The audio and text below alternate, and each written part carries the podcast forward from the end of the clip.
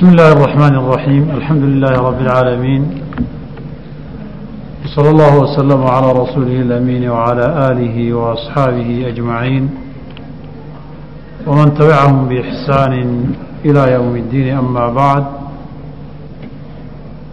caawa halkan waxaan ka bilaabaynaa kitaabkii labaad ee diraasadeennii ama silsiladeennii alfiqhi shaafici waxaynu horay u soo marnay kitaabkii ka horreeyey ahaa tartiibka silsiladda kaga horreeyey ee matnigii asheekh uu qoray ninkii xadramiga ahaa ee safiinatu najaa ahaa ama safiinatu najaati midaa tiraadaba ama najaa-i saynu soo marnay.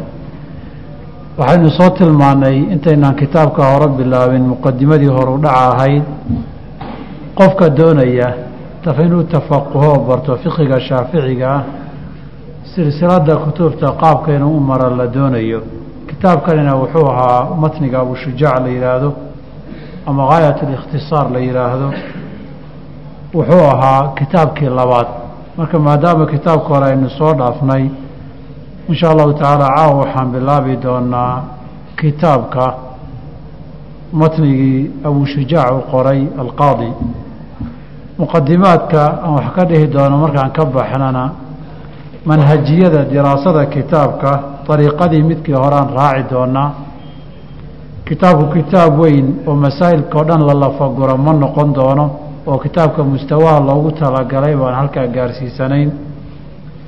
Waxaan aqriyaynana ma aha fiqhi muqaaran oo madaahibtu maxay yidhaahdeen ilaa munaasabaad inay keento maahane madaahib isma barbar dhigayno masalo waliba madaahibtu waxay yidhaahdeen iyo waxay deliishadeen iyo ka raajixa iyo sababta loo rajaxay iyo baddaa ma geli doono. Waxaan diraasaynayna waa waxaa la yidhahda alfiqhu lmadhabi fiqhi waxaan diraasaynaynaa calaa madhabi alimaam shaafici masaa'il kale saynu kitaabka hore ku sheegnay waa laba qaybood. Masaa'il nusuus leh oo kitaabka iyo sunnada ah iyo masaa'il qawaacid caami iyo qiyaas iyo nooc ijtihaada ku salaysan. Masaa'ilka qeybta hore nusuusta leh way iska fududahay oo wixii naska waafaqana de waa sida uu naska u waafaqay buu sax ku yahay. Dee wixii sida cad naska u khilaafana isagoo qofka loo cudur daarayo raacitaan ma mudna. Marka masaa'ilka daciifka aan isleenahay isleeheen n xasuusteen nusuusta ka soo horjeeda in sha allahu tacaala waa ku baraarujin doonaa inay masalada daciifa tahay nasan iyo daliilan. Waxaa kaloon kitaabkan baraarujin doonaa masaa'ilka uu mualifku aan badnayn oo uu isagu doortay laakiin ka madhab ahaan wej wej daciif ah. Laakiin fi lmadhab madhabka qowlka muctabarka ah ee raajixa ah aanu ahaynka kitaabkiisa uu ku qoray in sha allahu tacaala masaa'ilka ijtihaadiga ah haddii aan wej cad oo ay ku khaldan tahay aanay jirin wejka istidlaalka fuqahada shaaficiyadu sababtay u yidhaahdeen baynu sheegi doonaa in sha allahu tacaala kadibna waynu ka gudbaynaa. Allahina gaarsiiye kitaabta muqaaranka fiqiga muqaaranka iyo maxaa raajix iyo maxaa marjuuxiya laga hadlo. Laakiin masalada baabulijtihaadiyaad hadday iska tahay gaar ahaan hadday qowluljamhuuri waafaqsan yihiin wax na soocadoo masaladu ay leedahay ama la khilaafayna aanu jirin wax badan iskuma sii dhibi doonno waa iska dulmari doonaa haddii alla yidhaahdo qaabkaasaynu kitaabku aqriyi doonaa qaabkaan u aqriyi jiray kitaabkii hore mas'alaan kaga duwanaan doonaa maadaama kitaabku kitaabkii ka wen yahay abwaabtuu ka hadlay kii hore salaa keliya ahayd iyo zakiya soom oo in yar ah. Kan laakiin abwaabtii fiqiga inteeda badnayd uu mari doono waktigii badnaydeen su'aalaha ku bixin jirnay waxbaan ka yarayn doonaa su'aaluhu habeenka u dambeeya baanu saac siin doonaa labada habeenoo hore baabka su'aalaha mmaq ma qaban doono way su'aalihii dhammaanna waaye inay ka soo daraan maahane. In badan oo ka midana mukarar bay iska noqoto iskaga soo celcelis bay noqotay. Saas darteed qofkii su'aalo waxaana jecelahay casharada la soo maray inay inta badan ku saabsanaadaan laakiin wixii aan garanna su'aalaha habeenka khamiistu soo gelayso baan nusaac siinaynaa. Labada habeeney kale nusaacii aan su'aalaha siin jirnay ama labaatankii daqiiqo. Kitaabkaan ugu daraynaa oo casharkaan ku daraynaa. Haddii kale kitaabka intuu daba dheeraado banaaniyi idinkuba daali doonaa marka kitaabku inuu durbo dhammaada ardayga iyo macalinkaba saasaa u fiican. Ardaygana kitaabkii uu gudbo macalinkana kitaabkii uu dhaafa naftana waxbaad dhammaysay marka la yidhaahdo waxoogay nashaad iyo xiise cusub baa gala. Intaa kadib kitaabka waxaa qoray ninka la yidhahdo alqaadi shihaab axmed ibn xusein ibni axmed اlasfahani ama asbahani midaad tiraadaba. Oo abushujaac kunyadiisa la yidhaahdo mararka qaarkoodna kunyadiisa lagu tilmaamo abuayib in la dhihi jiray labadaba. Fuqahadii shaaficiyada ka mid ahaa ee reer ciraaq deegaanka iyo joogitaankiisana u badnaa magaalada basra oo fiqiga shaaficiga akhrihi jiray oo macallin ku ahaa oo masaajidka loogu iman jiray magaalada basra muddo afartan sanadooda. Kadib alqaadi abu shujaac axmed ibn xusein ibni axmed alasfahani muddo dheerna qaadi buu ahaa isla markaana mudaris nin madhabka aqriya shaaficiyadu ahaa xilligaa weeye xilliga laga dalbanayo muddo ay ka sii noqotoba gudaheeda in kitaabkan uu qoro sida muqadimadiiyo hor u dhaca uu ku sheegi doonaa insha allahu tacaala nugu tegi doono markii intii ay muddo ah ka soo wareegtay isna uu waayeelay baa wuxuu u xiisooday ama uu jeclaystay inuu ilaahay subxaanahu wa tacaala ajashiisii uu qiyaasay inay iska soo dhowdahay inuu madiine isaga wareego. Waa isaga soo wareegay madiina. Masjidka nabigu iska laasimay wixii shaqooyin hoos hoosee looga baahdana uu iska qaban jiray ilaa halkaa uu ku geeriyooday raximahu llahu tacaala. Da-diisa ilaa dhalashadiisa inta u tarjantay aan arkay horaantii qarnigii shanaad buu dhashay ama afar boqol iyo soddon iyo dhowr markay hijradu ahayd. Laakiin xilliguu dhintay iyo muddada uu noolaa bay culimmadu aada ugu kala tagsan yihiin taraajimtiisa qoray. Qaar waxay tilmaamayaan toddobaatan dhowr iyo toddobaatan sano inuu ahaa geeridiisii oo ibnulghazi kitaabkiisa diiwaanulislaam markuu tarjamada ugu samaynayo waxa uu leeyahay tuwafiya bacda alkhamsi miati bisanawaatin. Qarnigii shanaad markii uu buuxsamay ee shan boqolay ahayd dhowr sano kadib buu geeriyooday halka ragga qaarkii oo tarjamo u samaynaya sida uu soo gurinaya xaashidan bujeyramiya calaa sharxi اkhaiib iqnaaci khaiib ee kitaabkan uu ku sharxay waxa uu leeyahay boqol iyo lixdan sanuu noolaa ninkani. Waxaana uu geeriyooday shan boqol sagaashan iyo saddex markay ahayd. Wuxuu leeyahay weliba marka uu geeriyoonayo aragtidiisu isma dhimin maqalkiisana isma dhimin tallaabadiisii iyo waxqabadkiisana isma dhimin isagoon aragtidiisii iyo xawaastiisii iyo xubnihiisii midna wax isdhimin oo boqol iyo lixdan sano jira ayuu geeriyooday. Waxay leeyihiin waa ninka iska leh marka la weydiiyey. Da-daana waad joogtaa. Waxna iskama kaa bedelin. Idi waayeelnimo iyo tabardarro kala un maahane. Wax kale kaamiiska bedelinee see waxu jira abushujaacow ninka laga soo guriyo weeye maa casaytu اllaha bicudwin minha falamaa xafidtuhaa fi الصigari can macaasi اllaahi xafidaha allahu fi اlkibar weligay xubnahayga ilaahay mid ka mida kuma caasiin markii aan ka ilaaliyey dembigii ilaahay yaraantaydii baa ilaahayna markaan waayeelay ii badbaadiyey oo ii ilaaliyey ereygaasoo culimo badan laga soo guuriyo baa qaarkood waxay yidhahdaan raggii ugu horreeyey erayadaa yidhi buu ahaa. Calaa kulli xaal ma toddobaatan iyo xoogay buu ku dhintay. Mise boqol iyo lixdan buu gaaray midkii la yidhaahdaba.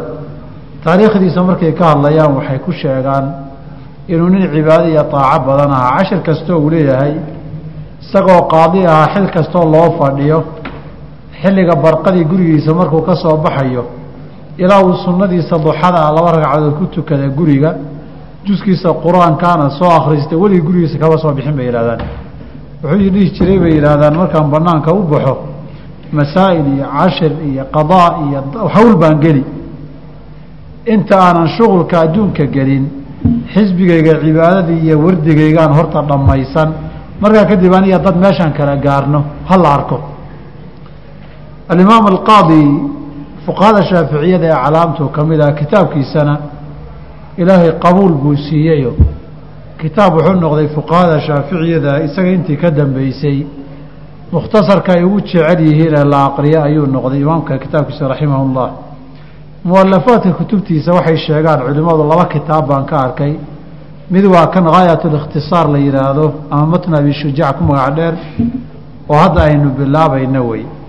Kitaab kaleu soo gurinayaa ibn اlghazi oo la yidhaahdo inuu sharxay kitaab alqaadi shaafici abulxasan ilmaawardi uu leeyahay oo aliqnaaca la yidhaahdo inuu sharxay bay soo guurinayaan.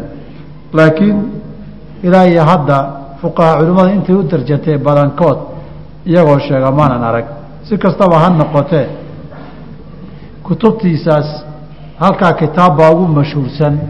Ilaahayna ummad badan uu ku anfacay isaguna qaabka iyo manhajka uu raacay markuu qorayay inoo sharxi doono inshaa allahu tacaala. Kitaabkan qabuulka ilaahay siiyey baa waxay keentay inay shuruuxdiisu ciidda ka badato. Shuruuxaad u tiro badan buu waxaa la daabacay iyo waxaan la daabicin ba leeyahay.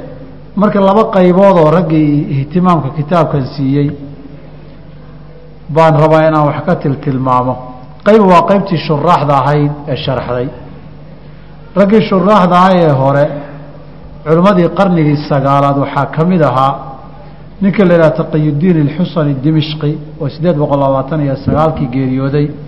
Waana ninka iskale kitaabkan la yidhaahdo kifaayat اlakhyaar fii xalli gaayat اlikhtisaar kitaabkaasi xagga intaan arkay kutubtiisa kutubta shuruu shuruuxda ee sharaxday ee hore dhinaca daliilkii ixtijaajka marka la yidhaahdo annagoon eegaynin adiladu ma wada asaxday mise ma wada asixin in aada u soo ururiyeyo kutubta shaaficiyada ee waaweyn adiladay shuruuxda ku keeneen si aada u soo ururiyey buu ahaa oo uu kitaabta ugu adilo badan buu ka mid yahay dabacaad badan iyo taxqiiqaad badan baana lagu daabacay waxaa ka mida kutubtaas kitaabka la yihahdo fatxu اlqariib اlmujiib fii sharxi alfaadi taqriib taqriib isla kitaabkana la yidhaahdaa magac kalena kitaabkaasi waa leeyahay alqowl اlmukhtaar fii sharxi gaayat اlikhtisaar labadaa magacba kitaabku waa leeyahay idinkuu dadku mada waxay u naqeenaan xaashiyada ama sharaxa ibni qaasim اlgazi sharx ibni qaasim waa kii isagu isagoo xaashiye ahaan oo ku dhex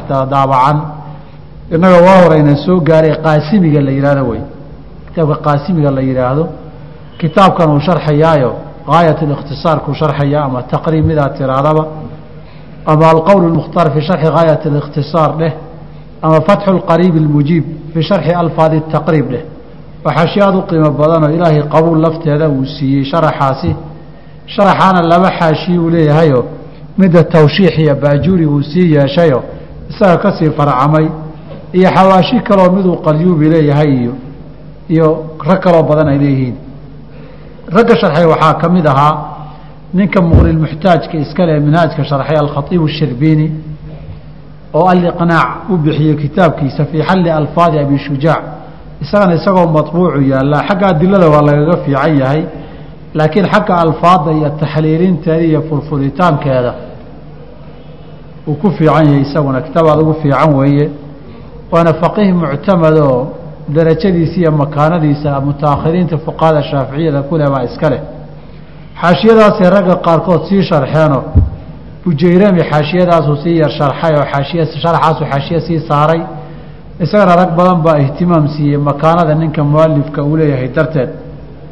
Ragga shuruuxda sharxay waxaa ka mida nin la yidhaha waliyudiin ilbasiir oo isna qarnigii tobnaad ahaa.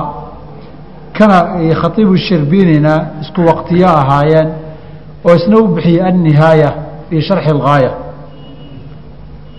inahaasi waxay ka mid ahaayeen shuruuxdiisa qaybo ka mida weeye laakiin shuruuxaad u tiro badan buu leeyahay.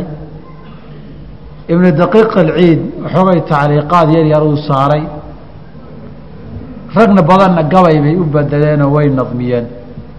Ragga nadmiyey waxaa ugu nadmiye fiicnaa laba ninoo isku waqtiyo ahaa hawa sii kala fiicnaadeene mid waa mid axmed ilabishiiti la yidhaahdo nadmigiisa ugu magacdaree nadmu mukhtasari abi shujaac oo qarnigii sagaalaad qaybihiisii dambe sideed boqol iyo dhowr iyo siddeetankii geeriyooday ninka labaadna waa nadmiga u mashhuursanaya kitaabkani uu leeyahay nihaayat اtadriib fii nadmi gaayati الtaqriib ee sharafiddiin ilcimriiti uu leeyahay camriitu wuxuu ahaa nin ilaahay nadmiga culumta aada ugu sahlay kanuu nadmiyey ajrumiyadu nadmiyeyoo camriitiyada midda ay soomaalidu naxwada u yaqaanaan weeye waraqaadka usuululfiqigaa buu nadmiyey oo nadmulwaraqaat sharafidiin alcamriitiga iska leh siddeed boqol iyo sagaashankii buu geeriyooday raximahu llahu tacaala. Kitaabkiisii nin fuqahadii shaaficiyada ee muta isaga ka dambeeyey ahaa baa sharxay oo axmed ilfashani la yidhaahdo oo sideed sagaal boqol iyo toddobaatan iyo sideedii dhintay. Isagana waa maطbuuc oo sharxiisii waxaa layaha tuxfat اlxabiib bisharxi nadmi gaayati taqriib kun laba boqol iyo konton beyd inuu ahaa u malaynayaa waana nadmi ugu waasacsan oo masaa'il badan ku daray uguna cibaaraad sahlan ninkii aalibulcilmi ee xifdinayana nadmi aada u qiimo badan weeye sidii nadmiyadiisa kale ay u fududaayeen cibaaraadkooda iyo taraakiibtooda bay ereyadiisii iyo qaabku tixda uga dhigay ay u sahlan tahay isagu sida uu tilmaamayo aakhirka kitaabkiisa wuxuu leeyahay arqaamta iyo tirooyinka markuu sheegayay iyo cadadka kun laba boqol iyo konton beyt buu ka dhigay oo isagii kaba badanba. Xataa zubadkii alfiyada haya ibni raslaan nihaayatu tadriibkaa ka batay isagoo taqriiraad yar saarsaaran yihiin oo maطbuucana magaalada waa ku arkayey nin la yihahda nin la yihahda dawsari laftiisu nashru shucaac calaa abi shujaac kitaab la yidhahdo nadmi oo gabay ah uu isagana ku sameeyey. Rag culamo badan baa ihtimaam siiyey. Ragga mucaasiriinta ahna ninkan dabcadan taxqiijiyey bidaayat اlmujtahid ee maajid ilxamawi la yihaahdo sharax yar iyo taqriiraad yar buu leeyahay isagana. Mustafa diib ilbaqa ama buqa midaa tiraadaba. Isagana sharax buu leeyahay atadhiib uu magacaabay adiladiisa uu soo ururiyey.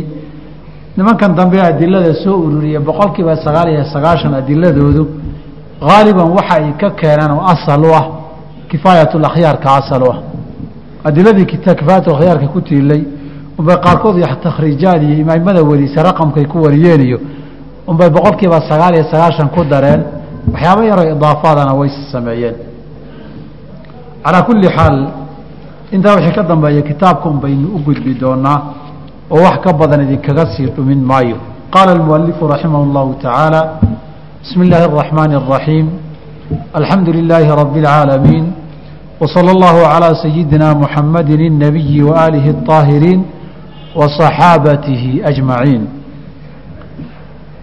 bisinku ku bilaabay sida kitaabkii hore aynu ku soo sheegnayna bisinka in lagu bilaabo markii wax la qorayo waa suna nabawiya haabita salى اllahu alayhi waalihi wasalam waxayna yidhahdeen waa hadiga qur-aanka lagaga daydayo suwarkuna bisin bay ku bilowdaan ilaa suuratu tawba ama baraa maahane musxafkana suwarka ugu horeeyaay bisin bay ku bilowdaan. Nabiguna calayhi salaatu wasalaam kitaabaadkii caamu sulxigii markii lagu jiray xudaybiye kadib waraaqihii muluugta uu qoray. Waxaa ka mid ah inuu dhihi jiray bismi illaahi araxmaani araxiim min muxamadin rasuulillaahi ilaa fulaanin. Muxamed rasuulka ilaahay bay ka timid hebel bay ku socotaa say magacyadooda u kala duwanaayeenba xadiidkii bukhaari iyo keyrkii warinayeenna waxaad garanaysaan heshiiskii xudaybiye marka la qorayey in nabigu alayh alayhi salaatu wasalaam cali abi aalib oo qorayey uu ku yihi uktub bismi illaahi araxmaan iraxiim horta ku bilow. Waa kii suhayl ibni camrin iyo dhinacii qureysheed ay diideen barnaga raxmaan iyo raxiimka aad sheegaysa ma naqaane. Uktub bismika allaahumma kamaa kunta taktub. Weligaaba bismika allaahuma baa la qori jiray bismika allaahuma ku bilow. Marka raxmaan iyo raxiimkay diidanaayeene nabigu alai salaam hadyigiisa inay ka mid ahayd qoraalka bisinka in lagu bilaabo baad halkaa ka garatay. Alxamdu lilaahi allah mahad iska leh. Rabbi alcaalamiina caalamkan iyo uunkan rabbiga u ahaa. Uunkan rabbigii iska lahaa baa mahad iyo wax walba mudan. Wa sala allahu allah u naxariista calaa sayidinaa muxammadin ahaa. Annabiyi ee nabiga ahaa allah u naxariisto wa aalihi aalkiisa aaahiriina ilaahay xumaatada ka ahiraya yidhi liyudiba cankum rijsa ahla albeyti wayuahirakum tahiran iyo wa saxaabatihi saxaabadiisa ajmaciina dhammaantood dushooda ha ahaato naxariistaas. Ilaahay xaggiisa ka timid dhammaantood dushooda ha ahaato. Sidaa yidhi mualifku qaabka iftitaaxa xamdigu u furfurtay ducaa listiftaax ama ducaa khudbat اlxaajadi ina alxamda lilaahi naxmaduhu wanastaciinuhu ma laha waaa waxaa cajiibkaa waxay tahay saynu horey usoo tilmaanay inta aan anigu arka aimadii salafka aimatu alxadiidi waاtafsiiri wاlfiqhi wاllugati ahaa inta ay kitaab qorayeen waxaa la sheegaa halni kitaab risaalo ama laba risaalo oo in alxamdu lilahi lagu bilaabay inta kale bismi illaahi iyo alxamdu lilah wasala allahu calaa maxamed slm baa lagu bilaabaa. Saas darteed waa ila qumanaan lahayd waa ra'yi waa ra'yi uu soo jeedine. Qoraalladeenna iltizaamka la iltizaamayo iyo bal in la iswaafajiyo kitaabka iyo sunnadaan ku dhaqmaynaa calaa fahmi salafidi oo salafkii aanay iltizaamin ama boqol kiiba sagaal iyo sagaashan dhibic sagaal aanay kutubtooda ku bilaabin balse in laysu yar waafajiya waa ficnaan lahayd. Qaala alqaadiy wuxuu yidhi abu shujaac axmed ibn xuseyn ibni axmed اlasfahaani raximahu اllahu tacaala waxa uu yidhi sababtuu kitaabkan u qorayna halkanuu ku sheegayaa. Mowduuca kitaabkiisu ku saabsan yahayna wuu sheegayaa. Ariiqadii uu maree qaabka uu alifay kitaabkana wuu sheegayaa. Wuxuu yidhi sa'alanii waxaa i weydiiyeen bacdu اlasdiqaa'i dadaan saaxiibbana hor isku fiicannahay qaarkood. Xafidahum اllahu tacaala xumo oo dhan ba allaha ka badbaadiye oo ka xifdiye. An acmala inaan sameeyo ka shaqeeyo. Mukhtasaran kitaab la soo gaabiyey. Erayadiisu kooban yihiin macnihiisu haba ballaadhnaade. Fi lfiqhi fiqiga inaan ka qoro calaa madhabi alimaami ashaaficiy madhabkii imaamu shaaficina aan kaga qoro raxmat ullaahi tacaala calayhi naxariista ilaahay dushiisa shaafici ha noqoto iyo waridwaanuhu raalli ahaanshihiisa. Kitaabkaasoo fii gaayati alikhtisaari gaabinta halkii ugu dambeysay ah iyo wa nihaayati aliijaazi soo koobidda halkii ugu dambeysay gaaya iyo nihaaya waa laba eray oo lafdigu kala duwan yahay laakiin macnahooda isku mid yahay nihaayatu shayi shaygu meeshuu ku dhammaadaa la yidhaahdaa wa gaayatu shayi shayguna meeshuu ku dhammaadee dabayaaqadiisaa la yidhaahdaa ikhtisaar iyo iijaazna min xaysu lmacnaa waa isku mid iijaazku waa erayada in la soo koobo macno weyn ha xambaarsanaadaan ikhtisaarkuna waa islataasoo masaladii laga hadlayey in la soo koobo hadalka la soo uruuriyo inta ugu muhiimsanna laga sheego inta faahfaahintaana la iska daayo labada eray kitaabku waxa loogu bixiyey gaayat اlikhtisaar halkaas baa looga jeedaa. Isagaa wuxuu u bixiyey gaayat اlikhtisaar wasfigii uu kitaabka siiyey baa magac looga dhigay. Marna matnu abi shujaacin baa la yidhi oo matni kooban oo isagii mualifkaa loo tiiriyey wey. Sababtuu saa u yeelayna wuxuu yihi liyaqruba inuu dhowaado cala almutacalimi qofkii wax darsuhu akhriskiisoo aanu ku dheeraaninoo meelo fogfog aanu wax ka doonin. Wayasula ay u fududaato cala almubtadi'i qofka fiqiga bilowga ku ahna xifduhu xifdigiisa. Ilaan horey waxaa loo yidhi man xafida almutuuna xaaza alfunuun. Ninkii mutuunta xifdiya funuuntoo dhan waa koobi karaa fanni kastaba matnika kooban inaad ka xifdido raasamaal kuu noqda waa waxaa wax lagu xifdiya lagu barta wey cilmiguna waa kii horey loo yidhi alcilmu maa xawaahu sadru laa maa xawaahu lqimitru cilmi waxaa la yidhahdaa waxaad laabta ku wadato ee gaadhigeeda diyaaradda kula raaca oo meeshaad u safartaba kula aada oo noqda xafiifa khafiifa alxamli yuujadu xaysu kunta.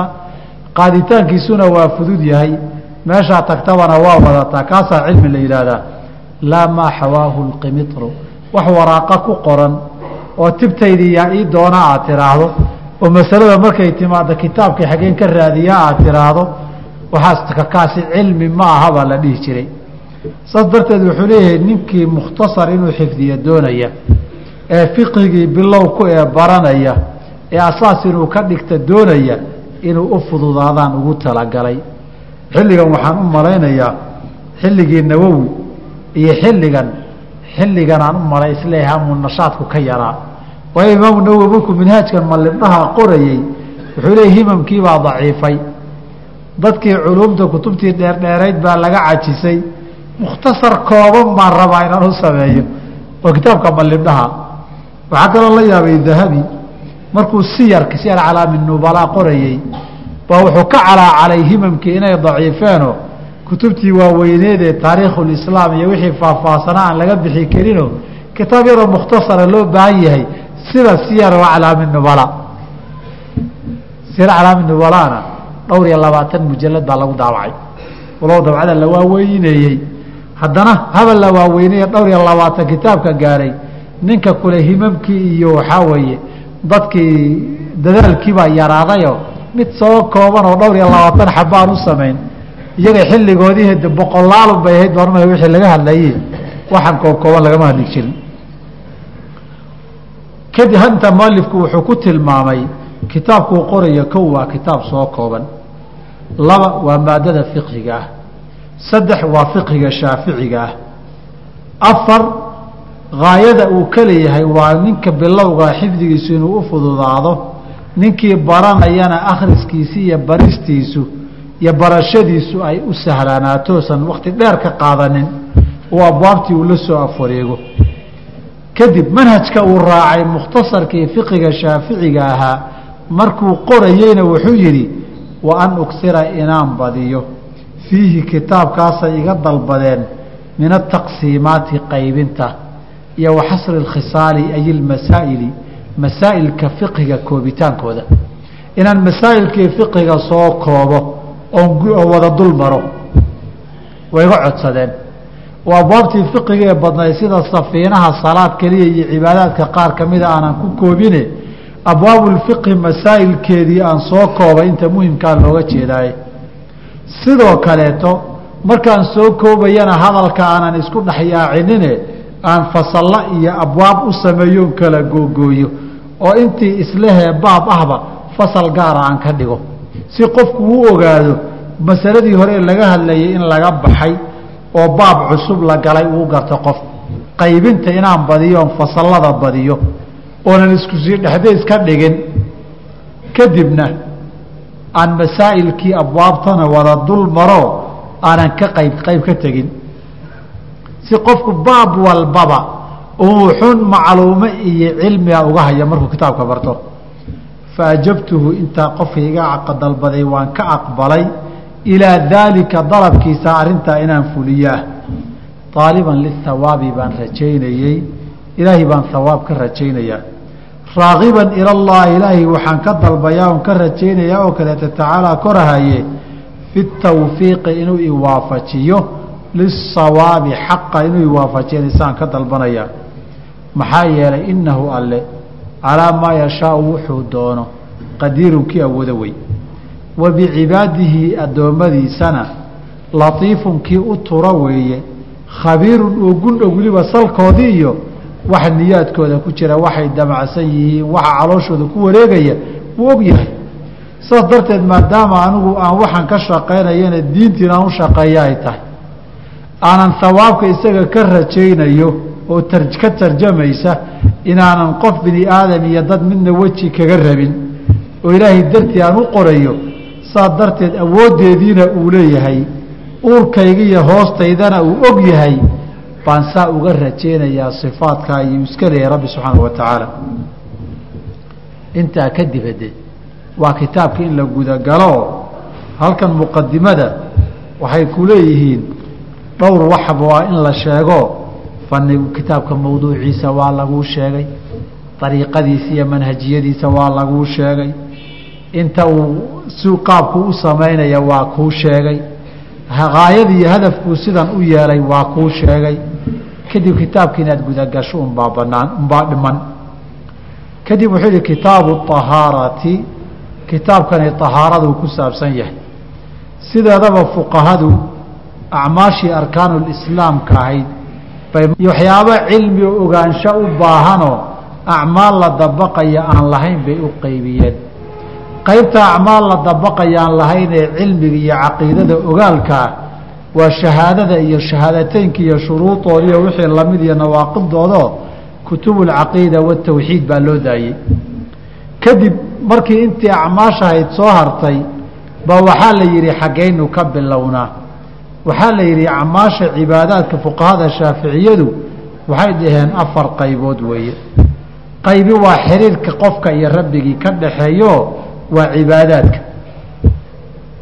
Qaybina waa xiriirka ka dhaxeeya qofka iyo dadka oo nolosha asaaskeedii ku salaysan yahayo oo suuqiyo xamaalkii ah. Labadaa markii la sameeyo xaqa ilaahay iyo markii qofkii uu soo xamaasho xaajada xigta waxoogay xooliyo shilimo markuu helo ama waxoogay madaxa soo taago baa dareenkii iyo xiriirkii taranka aadama bilowdaaye abwaabu nikaax dhe iyagana iyo xiriirkii iyo xeerkii qoyska. Intaa wixii ka badan waa nin xanaaqay ama qooqay oo dad dhiigood iyo xoolahood ku xadgudbaye qismu ljinaayaat ama kitaabu ljiraaxi dheh. Inta ayaa u mudan in loo hormariyo dee qofkan aadamaha wamaa khalaqtu ljinna waalinsa ilaa liyacbuduuni sowma cibaadaa kow loo abuuray. Horta calaaqada iyo xiriirka isaga rabbigii ka dhaxeeya oo qeybta ama rubuuculcibaadaat ah waa in la soo hormariyaa. Sidaasaa waxaa la soo hormariyey afartii arkaanulislaamka ee shahaadateynka ka soo hartay alsalaatu waazakaatu waasawmu waalxaju fuqahada shaaficiyada qaar aan ahayn baa waxay u arkaan qayb ay shaaficiyadu ka saareen qismulcibaadaadka oo in lagu dara ahayd inay jirto. Maxay tahay? Waa kitaabu ljihaadi walidaalika fuqahada qaar muxadisiinta ka mid iyo qaar fuqahadaaba kitaabu ljihaadi qabla alxaji bay keenaan. Xajka intaan laba gaarin jihaadkay keenaan. Jihaadku waa nafti maalkiio diinta loo horayay dhaheen. Waa qism min alcibaadaat. Halka fuqahada shaaficiyadu qaybaha dambe jinaayaadka ay geli iyagoo ka egaya jihaad marka la yidhaahdo seef baa galka laga bixiyey. Qorina rasaas baa ilka dhuunta loo dhigay. Meesha dhiig baa daadanaya dhiiggu dhiiggu ku fiican yahaye kii xaq ahaa iyo kii xaq darada ahaa meelaan suu geyna yidhahdeen iyagu. Markii cibaadaadkii aan hormarinna la yidhi xiriirka qofkii rabbigii ka dhaxeeya caqaa'idkii shahaadateynkii aan xaggaa dhignay afarta arkaanulislaamka yaa ugu muhiimsan horta sidoodaba. Asalaatu wa camuuduhu asalaatu ra'su اlamri alislaamu. Wa camuuduhu asalaatu salaada tiir lafdhabar u ah. Faman tarakahaa faman qofkii ka tagaay kuwo kale iska badaaba faqad kafaraa lagu yihi saas darteed afarta arkaanta shahaadateynka kadib salaadaa ugu muhiimsan ee soo hormari salaaddii shuruud bay leedahay ka horeysa shuruudiina waxaa ugu weyn sharطu طahaara ugu weyn saas darteed abwaabu طahaara waa in fiqiga laga bilaabo salaad baa loo gogol xaarayaa طahaaradu keligeedoon salaad loogu soconin ama aan wasiilo salaad u ahayn keligeed wax weyn maaha asal waxay ku qiimo leedahay طahaaradu inay albaabka salaadii laga galo tahay oo nabigu yihi laa yaqbal اllaahu salaata man axdaa xataa yatawada ilaa uu weysaysto salaadii ka asixi mayso weysadeeda haddii ha laga hadlo la yihaahdo waxaa imani maxaa lagu weysaysan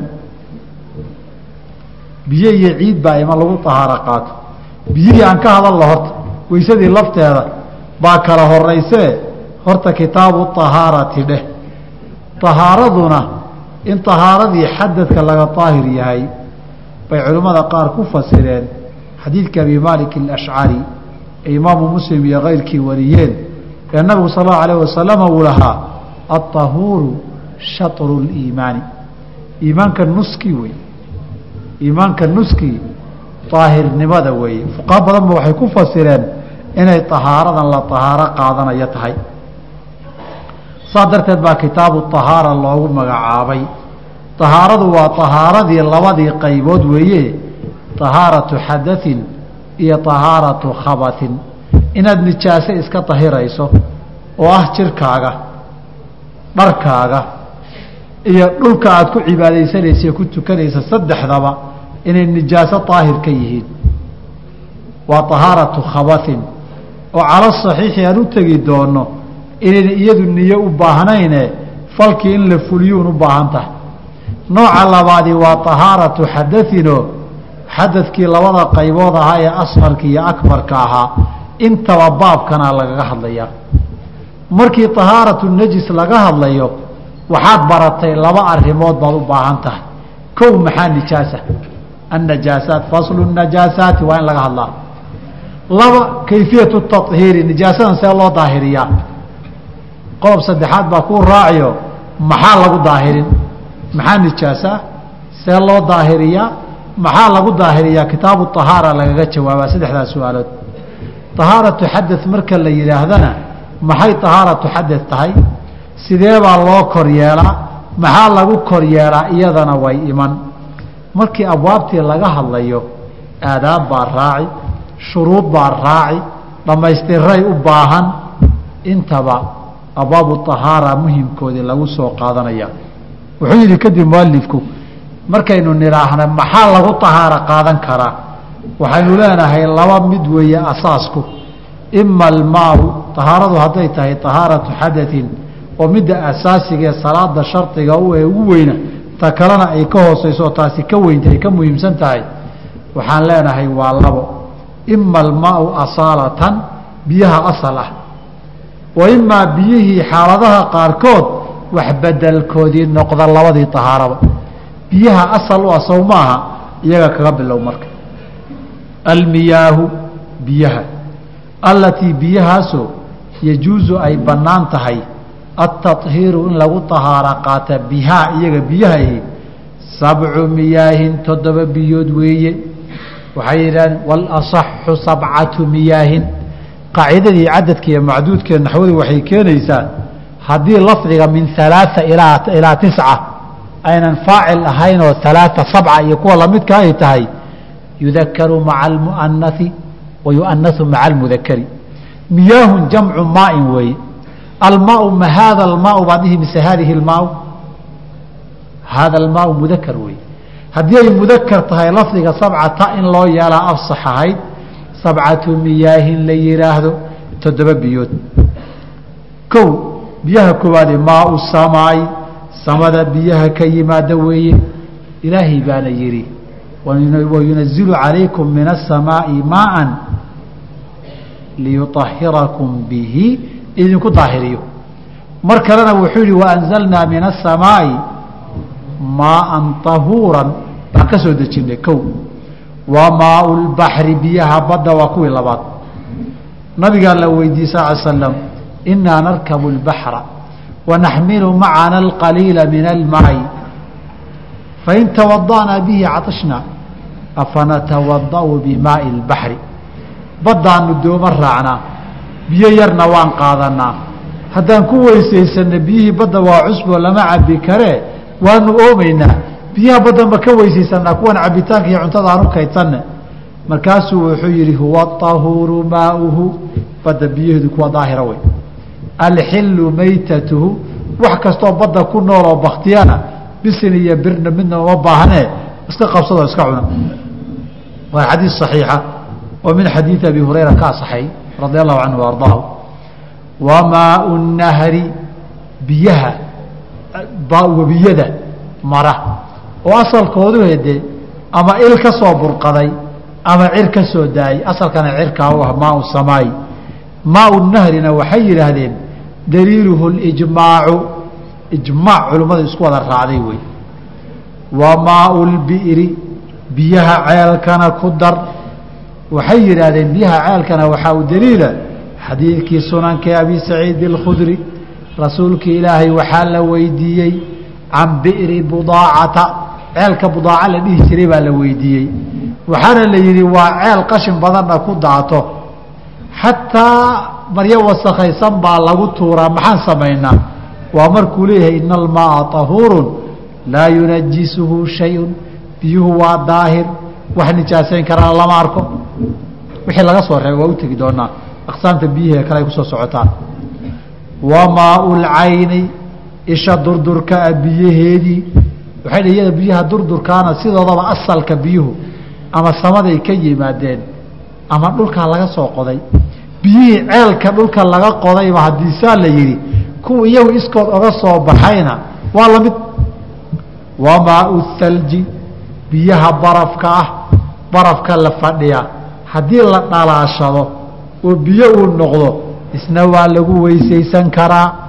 Wamaau lbaradi biyaha baalkeeda yaxniga la yidhahda ama dhalada qaar ay u yaqaanaan dadku habeenkii markay dhirtu barido ee subax iyadoo biyo ka daadanayaan aada soo toosto haddii biyaha aada aruursato iyagana waa ku tahaaro qaadan labadan dambe xadiidkii ducaa liftitaaxa loo daliishaday allaahuma ksil lii min khaطaayaaya biاlmaai wاthalji wاlbaradi soo mahayn ilaahay ugu tahirba soormaada dhihin adugu inay wax tahirayaan baa halkaa laga gartay iyagana. Culimmada qaar ba waxay yidhaahdeen nooc buu ka tegey sideedaad. Oo muxuu ahaa waa maau lbarakati buu ka tegey biyaha barakada ku yimaada oo nabigu alay slam waxaa ka sugan in nabiga loo yimid maalin oo biyihii yaraadeen oo meel biyo yar biyo yaroo weel intuu lagu shubay gacmaha intuu geliyey uu ka weysaysta yidhi waxaan aragnay dhaheen walmaau yanbucu min bayni asaabicihi fariisa dhexdoodasaa biyu uga soo burqanayeen. Biyaha ceelna kama imanin. Cerna kama soo diine. Biyo ilaahay baraka ku keenoo badiyey weye soo maaha. Calaa kulli xaal. Intani waa inta caanka ee macruufka ahe dadku wada yaqaanaan ee wada gaari karaan buuga jeedaan baabkaasi dadku inay wada helayaan iyo in kale iyo cid karaamadiisu halkaa gaartay in la arki doono. Allaahu aclam ayb intaasi waa biyihii iyo adiladoodii.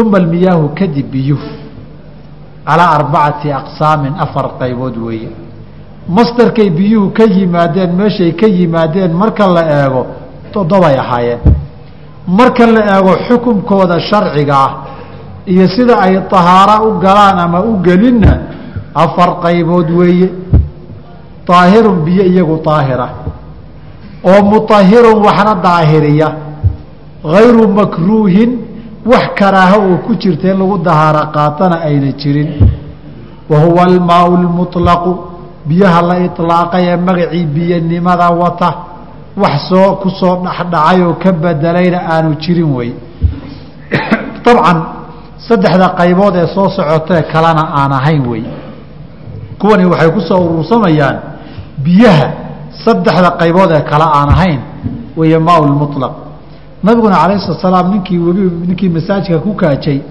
xadiidkii abu hureyre bukhaari iyo keyrkii wariyeen sookii ku yihi ma aha dacuuhu waahriquu calىa bawlihi sajlan ama sajlan ama danuuban min maain wuxuu yidhi maxaad iska daayo horta ha dhammayste ninku kollaba nijaasee masaajidke iska daaya sidiisa u daaya akhafu dararayn weeye waayo haddii la kiciyo isna wuu rafaadi.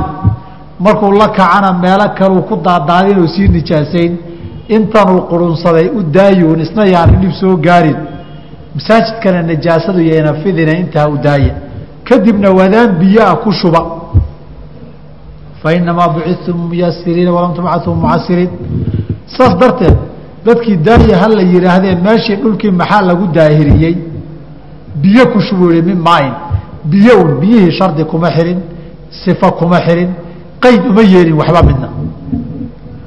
Qaybtaasi waa qaybta koobaad qaybta labaad waa aahirun biyo aahira oo muahirun iyana wax daahira makruuhun laga fiican yahay. Wa almaau waa biyaha almushamasu qoraxduu kulaysa weeye. Fuqahada shaaficiyada qaarkood baa sidan qabe eh waxay leeyihiin waana sida raaficiya rag lamida ay rajaxayaan madhabku inuu yahay. Biyaha qoraxdu ku dhacday ee qoraxdu kululaysay in lagu weysaysta waa karaahiyay dhaheen oo lagu tahaaro qaato. Qaarkood baa waxay yidhaahdeen maya biyaha qoraxdu kululaysay waxay noqonayaan in lagu tahaaro qaato. Karaahiyay noqon laakiin waxaa ku xihan dhowr shardi. Kow weelka ay ku jireen weel macdan ahoo goortay qoraxdu kululayso wax ka soo raacraaci kara biyaha waa inuu yahay. Laba waxa loo isticmaalayo waa inuu jirka yahay. Saddex waxa kululeeyey waa inay qorax tahay oo inan dab ahayn. Saddexdaasay isku dareen. Qaarna waxay yidhaahdeen maya biyaha qoraxdu kululaysay ama barkad ha ku jiraan ama ibriiqa ku jiraan iyagu waa karaahiyo waxay ku saleeyeen imaamu shaafici baa wuxuu warinayaa wa min طariiqihi اbayhaqiyu can cumar bn اkhaaab kaana anahu kaana yakrah arrintaa waa nici jiray wuxuuna dhihi jiray biyaha kululoo lagu weysaystaay fainahu yuuriu اbarasa baras bay dhalisaa sidaa ha yidhaahdee aharkaa cumar ma asixin laba sanada uu leeyahay labadaba dicaaf weeye. Saa darteed aharka cumar ma sugna. Imaamu shaafici fii kitaabihi اlum isagu wuxuu ku leeyahay anigu karaahiyo weeye ma dhahayo ilaa an yakuuna min jihati طibi in la ogaado caafimaad ahaan dhib inay uleeyihiin maahane anu biyo way kulul yihiinoo qorax baa ku dhacdee waa laga fiican yahay aniga malihi imaamu nawowina dhinaca daliil ahaan marka la eego wuxuu leeyahay waxaa raajixa inayna karaahiye ahayn. Waxaan adilada iyo riwaayaadka la sheegay oo dhan ama xadiid caaisha loo tiirinaya laa tafcali fainahu yuuriu lbarasa iyo aharkaa cumar iyo wax salya raatoona le kuma jiro imaamu nawowi raxima allahu tacaala. Saa darteed asalkii cadamu lkaraaha ahaa bay qoraxiba ha kululaysee see raajixa buu leeyahay. Ibnu cumar waxaa ka sugan inuu biyo kulul ku qabaysan jiray sida ibn abi shayba fii musanafihi ku warinayo qaybta saddexaad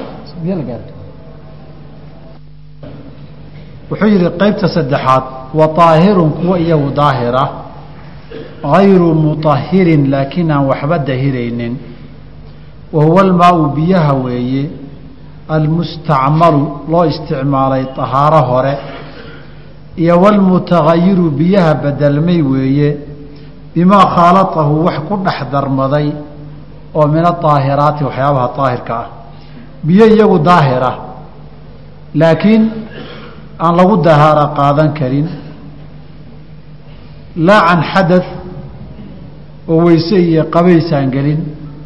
Najaasana aan tahiraynin oo dhar iyo dhurtoona lagu daahirin karin waa labadaa qaybood buu yidhi.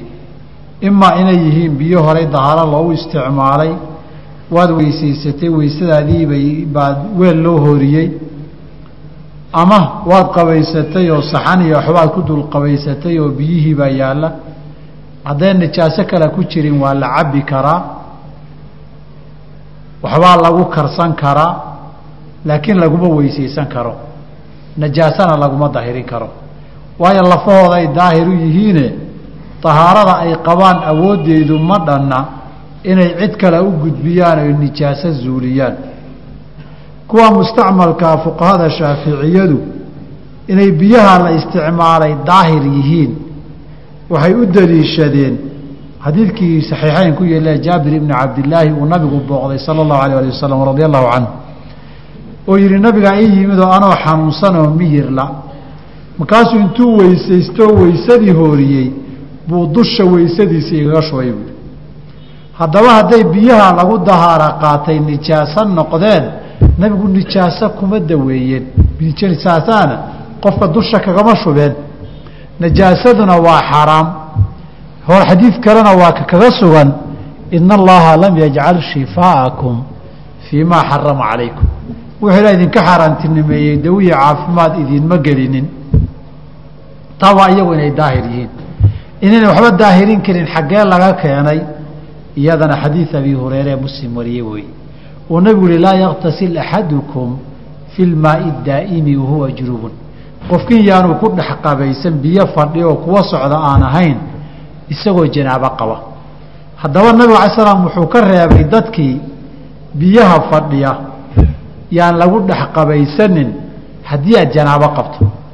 Waxay yidhaahdeen qeydka janaabada ah iyo nahyiga marka la isa saaro arrintaa waxaa ka muuqata jermis laga baqaya maaha. Sababtoo ah jermis laga baqaya waxaad ku garan qeydka wahuwa junubuna. Haddii qofku ku qabaystaba la diidan yahay jermisi ay tahay. Qabayskao dhan baa la diidi lahaa. Waayo waxaa dhici karta qofkan janaabada qaba jirkiisu inuu nadiif yahay. Kuwaan janaabo qabinoo iska qabaysanayo oo boor iyo wasak badanna u dhex galo. Saas darteed wahuwa junubun waxaan garannay jermisi wax lagama cararayo laba wahuwa junubun ay kala qaaday. Qofkii rafcu xadain u qabaysanayey iyo qofkii tabarud u qabaysanayey bay kala qaaday. Maadaama qaydka huwa junubun laabudda faa'iide inuu yeesho ay tahay. Waxay yidhahdeen muxuu yeelan karaa? Waxay dhaheen biyihii hal mid baan ku xambaari karnaa. Biyihii nahyigaasi cilada loo nahyinayo xaddu tuhuuriyo inay wax daahirin karaan oy dadku ka faa'iidaysan karaan buu ka saarayaa. Halkaa waxaan ka garanayay yidhaahdeen biyihii haddii lagu dhex qabaysto qof jinaabo qaba uu ku dhex qabaysto waa biyo xadad lagu rafciyey. Iyagii baana meesha fadhiyo biyo daa'imun soconin weeye.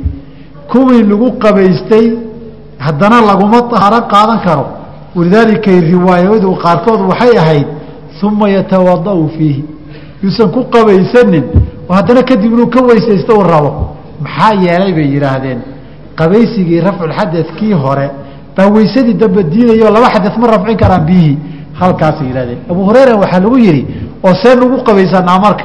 Wuxuu yidhi dhinac intaad istaagto ka soo darsoo ka soo qaadaya tanaawaluhu tanaawulan halkaana waxay dhaheen qowlka fatwada abu hurayra iyadana ishkaal kaloo ku yimid shaaficiyada bay jawaab u tahay bay yidhahdeen markay yidhaahdeen biyaha yar haddii aad dhex gashay tahuuriyadii way ka bixi.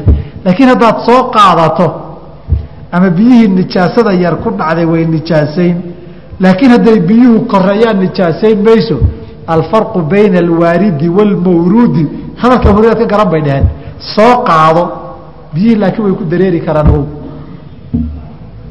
calaa kulli xaal waxay yidhaahdeen nahyigan junubka lagu khasisay likownihi rafca xadain wey uma yatawada'u fiihina biyihii laba xadainayna kor yeeli karin baa laga gartay saa darteed biyihii mustacmalka ahaa aahirun hayru muahirin dheh almutagayiru bimaa khaalaahu min aaahiraatina de biyanimadiiba way ka baxeene haddaad caano ku darto biyihii ama aad shaah ku darto oo midabkoodiiya wax isbedelo de biyo saafiyaba ma aha xaddii biyanimaha lagu ahaaro qaataa la yidhi waxaan biyahayn meeshaba ma oolin bay yidhahdeen kuwana biyo nadi saafiya maho biyo keliya lama dhigi karo.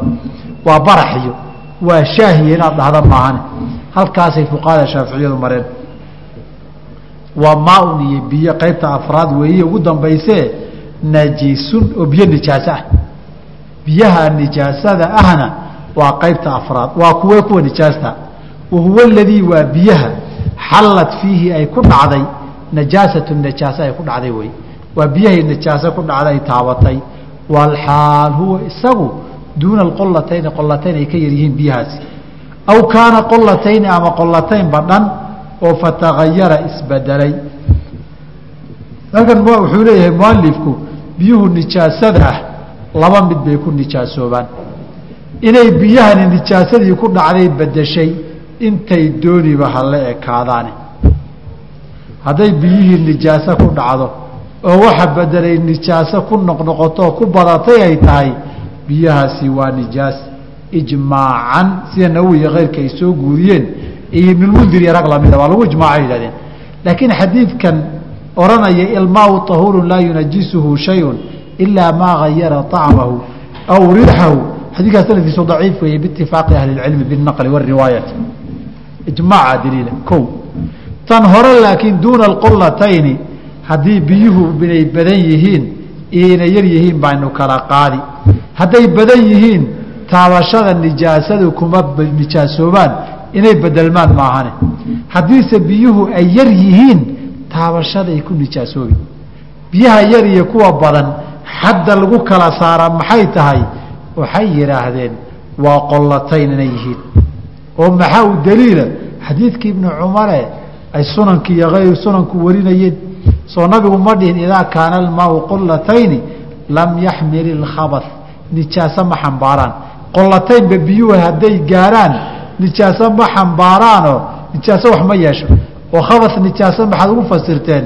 Riwaayo saxiixo fii abi daawuuda waxay ahayd idaa kaana almaau qolatayni fainahu laa yanjusu. Ma nijaasoobayo khabadka riwaayadan in nijaas laga wada riwaayadaasa caddaysay yihahdeen xadiidka mantuuqiisu qolatayn ma nijaasoobaan wey mafhuumkiisana waana mafhuumu shari idaa hadduu mafhuumku wuxuu tusayaa wixii qollatayn ka yaree nijaaso taabatee ku dhacdo inaanu waxa ka badan la mid ahayn. Hade kii ka badnaa haddii la ma nijaasoobin kan wuu nijaasoobay marka? Mafhuumkaasi mafhuum qawiya wey qolaa diidayoo waxay yidhaahdeen cumuumka xadiidka abi saciid ee bi'ri budaaca ina almaaa tahuurun laa yunajisuhu shayun waa caam. Cumuumkiisana waa mantuuq oo lafdigay ka muuqataa labadooduba horta waa dilaala lafdiya wey. Midna waa dilaalada mantuuqa la yidhaahdo midna waa dilaalada mafhuumka la yidhaahdo yaa xoog badan waxay yidhahdeen mantuuqaa xoog badan. Oo shuruuda ictibaarka mafhuumka waxaa ka mida markii la tixgelin wax lagu salaynayo inaanu mantuuq ka hor imanin saas darteed qolada waxay yidhaahdeen mantuuqa xadiidka cumuumkiisa ina almaaa tahuurun laa yunajisuhu shayun ba xoog badan. Kuwana gacantay taageen. Haddii tacaarud yimaado tacaarud alcaami waalkhaasi wayay yidhahdeen haddii uu mantuuqu caam yahay mafhuumkuna khaas yahay waxay yidhaahdeen asaxiixu min aqwaali ahli اlcilmi biاlusuuli in mafhuumka lagu takhsiisin karo mantuuqa cumuumkiisa. Waa masale khilaafiya halkaasna calaa kuli xaal fuqahada ninka culimmada ninkii qabay. In cumuumka mantuuqa mafhuum lagu khasisi karaay xadiidka qolataynka meeluu ka mara ma laha. Warwareegeysi geeda xagxagasho wey ninkii qabay mantuuq caama mafhuum maba khasisi karana warkiisii meel cad buu isaga u saaran yahay. Laakiin qowlkaas usuuliyiintu waxay u badan yihiin in cumuumku haddii uu mantuuq yahay mafhuumkana khaas yahay min adilati takhsiisi uu ka mid yahay bay u badan yihiin. Fuqahadii sidaa qabtay ba akar iyo kaiir iyo qaliil inay kala saaraan bay keentay. Qolataynka halkaasi ku salaysantahay calaa kulli xaal. Qolataynku imisay dhan yihiin marka. Wاlqulataani khamsu miati ritlin. Xilligiisii wixii la isticmaali jiray buu ku cabiray marka. Qoladu quladu waxaa la qulatayn laba ashuunoo waaweyn weeye. Marka qulataanka labada ashuuni khamsu ritlin shan boqoloo rodoloo baqdaadiyin weliba miisaanka rodolka ee baqdaad laga isticmaalaa kaasuu isaga yaqaanay taqriiban qiyaas ahaano waxna waa iska yar karaa waxna waa ka yar badan karaa fi lasaxi sida raajixa waxaynu nidhi tii aynu bedelo hadda maxaa la isticmaalaa biyaha ma rodol baa la isticmaalaa litir baa la isticmaalaa litir ha loo bedelo markii la yidhi waa la isku qabsaday intaan arkay qoladii u yarad waxay yidhaahdeen boqol iyo sagaashan litir wey qoladii u badnaydna waxay yidhaahdeen laba boqol iyo lix iyo toban litir wey wax intaa udhexeeya wey farqiga udhaxeeya waa lix iyo labaatan litir lix iyo labaatan litir baa farqiga udhaxeeya qolada ugu badan ee arkay waxay yidhahdeen lix iyo laba boqol iyo lix iyo toban litir wey qolana waxay yidhahdeen maya boqol iyo sagaashan litir intaasaa loo dhexeeyaa qiyaastii isku celceliskii adugu afrajka dhexda haddaa ka qaadato waxba kaa dhihi mayso. Lix iyo labaatanka udhaxeeya saddex iyo toban iyo saddex iyo toban haddaad u kala goyso ood boqol iyo saddex litir wixii gaara xoogga ku dabaqdo ama ixtiyaaan qolataynkii haddaad madhabkaa qaadato aad boqol iyo sagaashan ka dhigto iyadana war axwadka geli kara wey calaa kulli xaal litirkeediina wakaa boqol iyo sagaashan ilaa laba boqol lix iyo toban buu udhexeeyaa